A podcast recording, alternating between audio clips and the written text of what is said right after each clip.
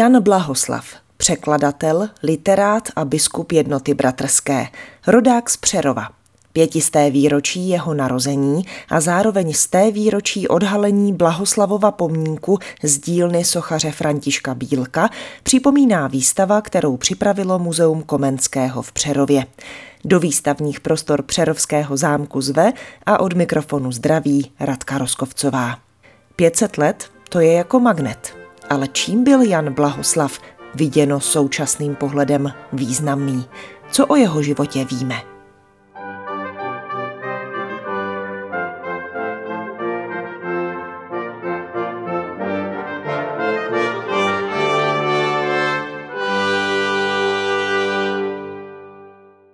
Muzeum Komenského v Přerově, se mnou je u mikrofonu kurátorka výstavy o Janu Blahoslavovi Helena Kovářová. Dobrý den. Dobrý den. My stojíme ve stále expozici, která je věnována tomuto přerovskému rodáku Janu Blahoslavovi, jehož výročí, pětisté výročí narození si letos připomínáme, ale vy jste připravili také krátkodobou výstavu na letošní jaro. Eh, Jan Blahoslav je předmětem zájmu muzea už od dob našeho zakladatele Františka Slaměníka, ale eh, my jsme si říkali, že 500 let od narození je příležitost, jak eh, připomenout jeho osobnost a představit jeho práci šířeji. Proto jsme připravili, kromě stále expozice, která je k dispozici po celý rok, ještě krátkodobou výstavu, kterou je možno navštívit do konce května. Ty výstavní panely jsou eh, nahoře v patře, jsou umístěné na chodbě tak, aby byly každému hned přístupné. Překvapilo mě, že obsahují poměrně hodně obrazového materiálu, což mi připadá, že právě z doby Jana Blahoslava, tedy 500 let zpět, toho asi moc eh, nebylo k dispozici, že? Vzhledem k tomu, že Blahoslav eh, nevytvářel učebnice tak jako Jan Ámos Komenský, eh, nemusel odejít do zahraničí, toho materiálu je poměrně málo a byl tu trošku oříšek, taková kurátorská výzva sehnat obrazový materiál tak, abych mohla vyprávět i příběh obrazem. Samozřejmě i ta krátkodobá výstava a i ta expozice, ve které právě teď s paní Kovářovou stojíme, tak je velmi, já použiju to slovo čučavá, takže návštěvníci se nemusí bát, že budou zahlceni velkým množstvím textu, ale vlastně i ty obrazy, fotografie třeba z města Přerova a další eh, materiály tak eh, dokládají význam Jana Blahoslava, hovoří o jeho osobnosti. Paní Kovářová, co se dá říct o Přerově v té době, kdy Blahoslav žil, jak to město vypadalo? Na počátku 16. století byl Přerov tvořen dvěma městy, Horním a Dolním městem. To horní město bylo spustošeno za husických válek a majitelé Penštejnové se snažili o jeho znovu osazení, to znamená dávali určité výhody těm, kteří se tam natrvalo usadí ale my víme, že přicházely rodiny, které patřily k jednotě bratrské, to znamená, je to současně počátek důležité kapitoly v historii eh, města. A Blahoslav se narodil v rodině jednoty bratrské, to znamená v jednom z domů na Horním náměstí. My už dnes přes tu propast věku těžko zjistíme, který z těch domů to byl. Prameny na sebe nenavazují, ale víme, že to bylo prokazatelně tady. V podstatě se nacházíme velmi blízko toho místa, které je spjaté s blahoslavovým dětstvím, pravděpodobně, protože Muzeum Komenského sídlí v Přerovském zámku. A v té souvislosti se musíme zmínit i o pomníku Jana Blahoslava. Každý, kdo přichází do muzea, tak uvidí nádherný pomník rozměrné sousoší dílo Františka Bílka, známého českého sochaře a výtvarníka. Ten pomník byl odhalen ke čtyřstému výročí narození Jana Blahoslava v roce 1523. Bylo to 20. května. My si to výročí ještě budeme tady v Přerově speciálně potom připomínat v sobotu 20. května. Ten pomník eh, připomíná Blahoslavův význam pro český národ, protože Blahoslav na něm pozvedá k nebi Bibli českou, připomíná jeho zásluhy na poli překladatelském, jazykovědném i duchovním. Dá se říct, s kterými dalšími místy v Přerově může být osud Jana Blahoslava spjatý? Máte tady ještě nějaké další objekty, u nich se prokazatelně ví, že tam Blahoslav působil? Určitě to je drobná sakrální stavbička, eh, která se nachází v těsné blízkosti Horního náměstí a to je dnešní kaple svatého Jiří. Ale v první polovině 16. století to byl bratrský kostelík na kopci a určitě do kaple Jan Blahoslav chodil, určitě eh, ji navštěvoval, pravděpodobně tam byl vysvěcen roku 1553 na kněze, protože eh, v místech, kde se dnes nachází pomník jednoty bratrské u řeky Bečvy, pod Přerovským kopcem, eh, tak tam stával pouze bratrský dům v době jeho mládí. Ten bratrský sbor byl postaven až roku 1554, tedy rok poté, co on byl ordinován na kněze. Pojďme se podívat do těch časů, kdy se Jan Blahoslav narodil. Víme něco o jeho rodině, o jeho rodičích, jak se jmenovali? Eh, jeho otec se jmenoval Blažek, matka Kateřina a měl bratra Martina Abdona, měl sestru Zuzanu. Víme to, protože Blahoslav byl nejen duchovní, ale byl taky archivář a historik z dnešního pohledu. Zasloužil se velice o dochování eh, množství informací, které jsou zapsány ve sbírce dokumentů Acta Universitatis Fratrum a ve sbírce Necrologium. A v té sbírce Necrologium, tedy sbírce životopisů, je zapsán i jeho vlastní životopis. A životopis jeho rodičů, třeba jeho rodiny? Je to zajímavé, ale zapsal tam uh, životopis eh, své matky Kateřiny, přestože to vůbec nebylo obvyklé. Zapisovaly se tam eh, informace o duchovních anebo o šlechtických příznivcích, ale v tomto případě Blahoslav udělal výjimku. To znamená, matka na něho musela mít velký vliv. Viděno přes tu propast věků, 500 let je přece jenom velmi dlouhá doba, Dá se nějakým způsobem jednoduše zhodnotit, jaký význam pro nás, pro současné lidi Blahoslav vlastně má? To je ta nejtěžší otázka, že? Je to asi nejtěžší otázka, ale myslím si, že si to ani neuvědomujeme, protože každý z nás mluví česky, vůbec si neuvědomuje, že ten jazyk se nějakým způsobem vyvíjel, že v době Blahoslava nebylo běžné aby byl považován za eh, rovnocený latině. A on to byl, kdo své humanistické vzdělání, kdo své zaujetí pro lingvistiku přetavil v překlad nového zákona. A když už se do té práce pustil, tak si vybral jako předlohu řecký text Přihlížel samozřejmě i k dalším latinským edicím, ke starším českým překladům a snažil se o vysoký styl jazyka. Snažil se dokázat, že se vyrovná latině a to se mu podařilo. A když pracoval na překladu, tak současně vytvářel svou gramatiku českou, tu pak používali tvůrci Bible Kralické. Víme, že Bible Kralická byla obrozenci považována za normu spisovného jazyka, takže i když to dnes je trošičku složitější na vysvětlování, tak Blahoslav má pro nás obrovský význam. Mluvila jste o jeho vzdělání, kde to vzdělání získal? Blahoslav patřil k první generaci bratrských mládenců, kteří byli vysíláni do zahraničí. On získal své vzdělání ve sleském Goldbergu, dnešní Zlotorii, a v německém Wittenbergu.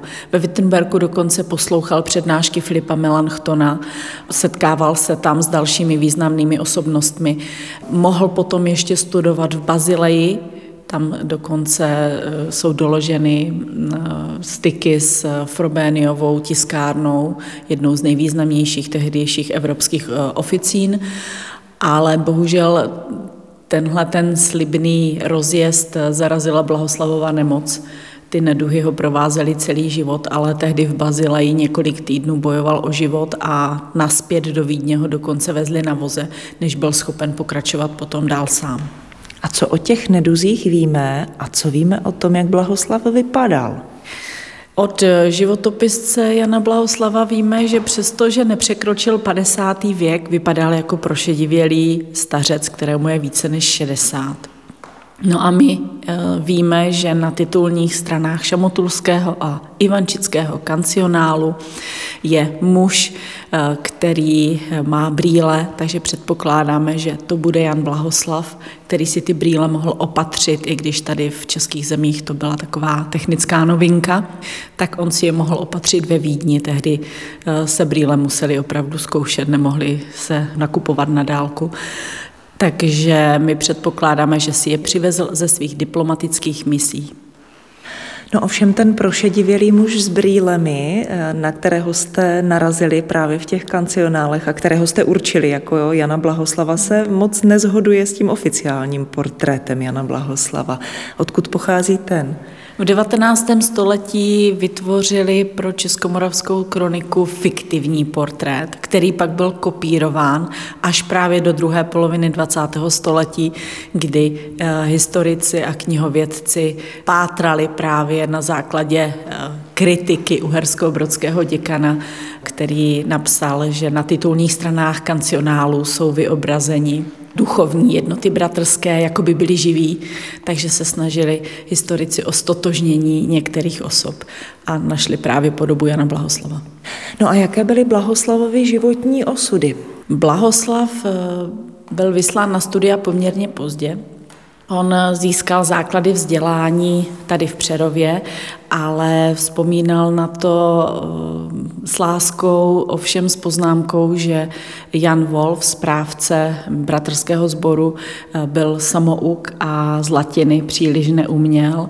Poté byl jako bratrský mládenec v Prostějově a my vlastně nevíme, kde ty základy latiny získal, protože v jeho životopise není zmínka, že by třeba chodil do městské školy v Přerově, kde by se to předpokládalo.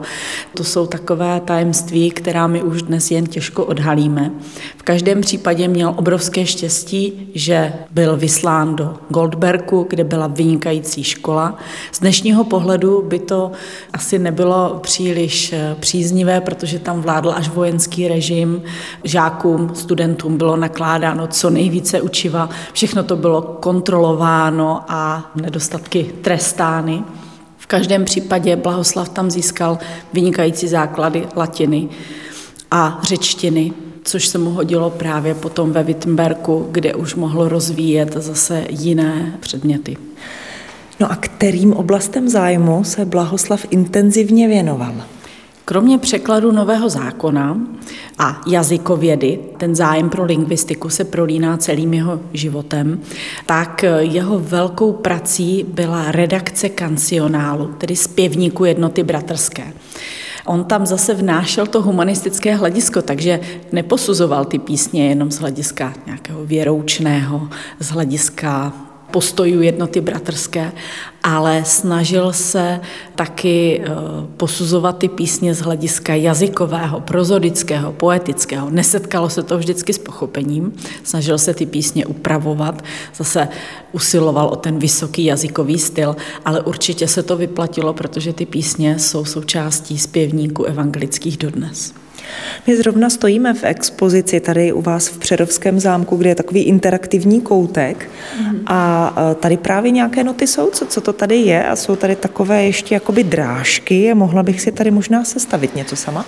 Určitě byste mohla si sestavit třeba svoje jméno, protože my jsme se snažili přiblížit eh, to, jak vypadaly kancionály, takže jsme tady vytvořili uh, takový koutek, kde si návštěvníci můžou prohlédnout ornamentální iniciály, které byly používány v tiskárnách, jednoty bratrské a můžou si s nich poskládat třeba svoje jméno, nebo zrovna tady máme třeba název Olomouc.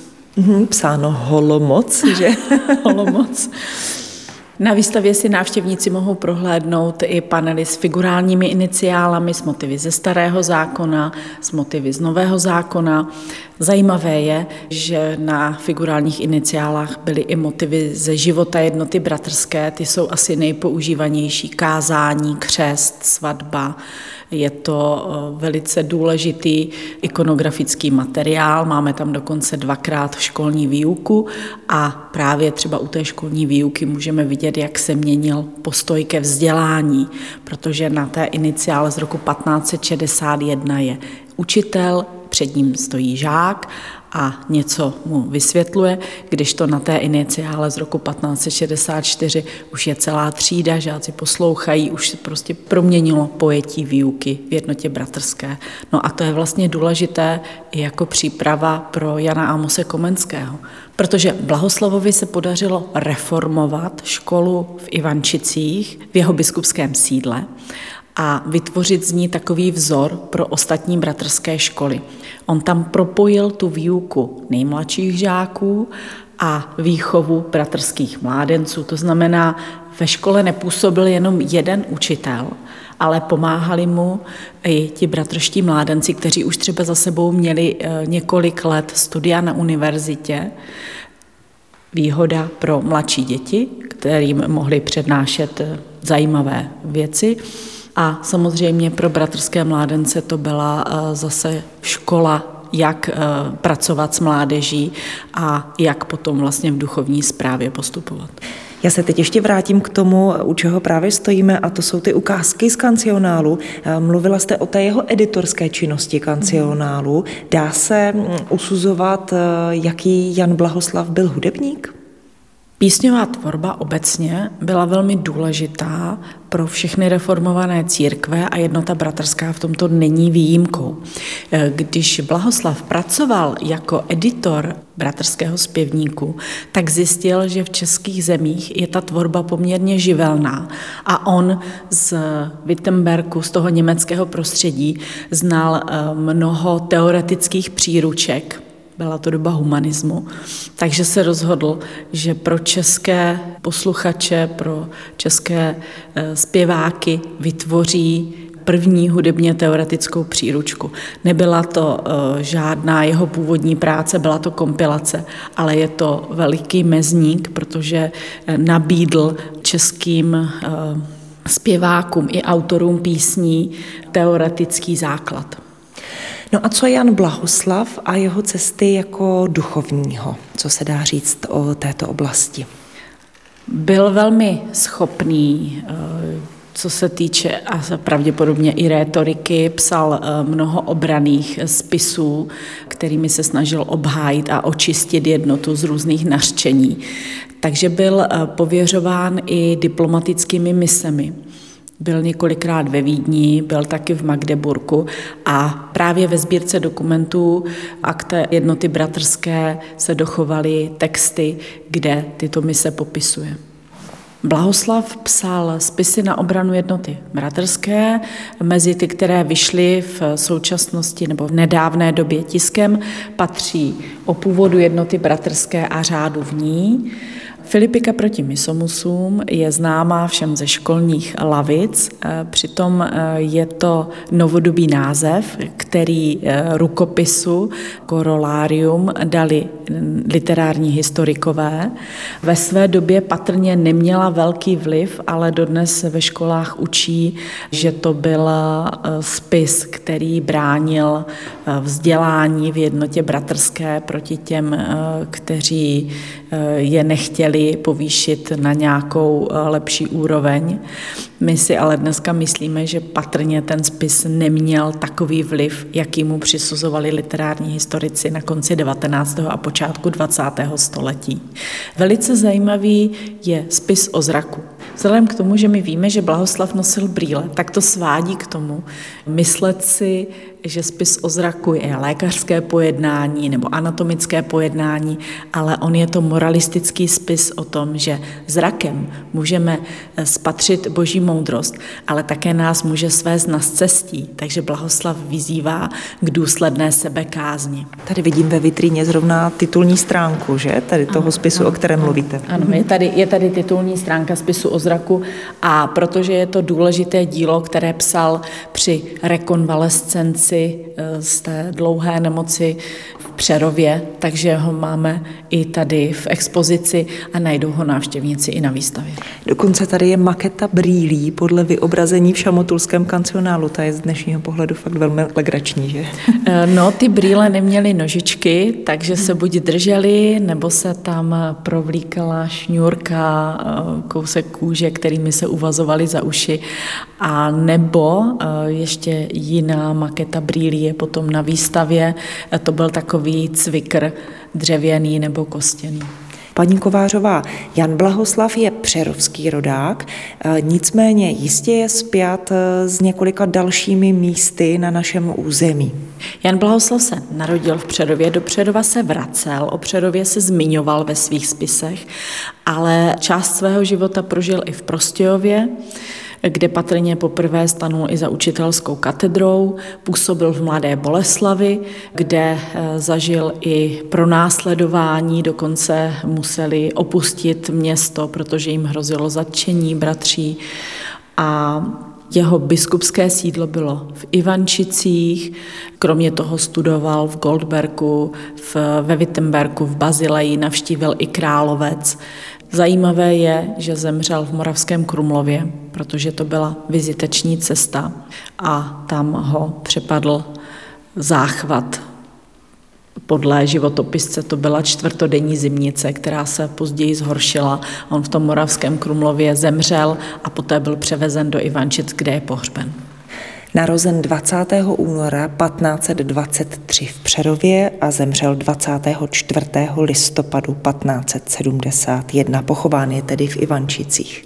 Pochován je v Ivančicích a zajímavé je, že ani tam nemohou určit přesné místo, kde byl pochován, protože bratrský hřbitov byl zrušen. Paní Kovářová, eh, pozvěte naše posluchače na vaši výstavu, proč by k vám měli zajet, proč je dobré tu výstavu neminout, co si z ní mohou vzít a odnést do svého života. Výstava o životě a díle Jana Blahoslava jim může připomenout eh, to, jak významnou kapitolu dějin eh, pomáhali tvořit duchovní jednoty bratrské. Děkuji vám za rozhovor. Děkuji.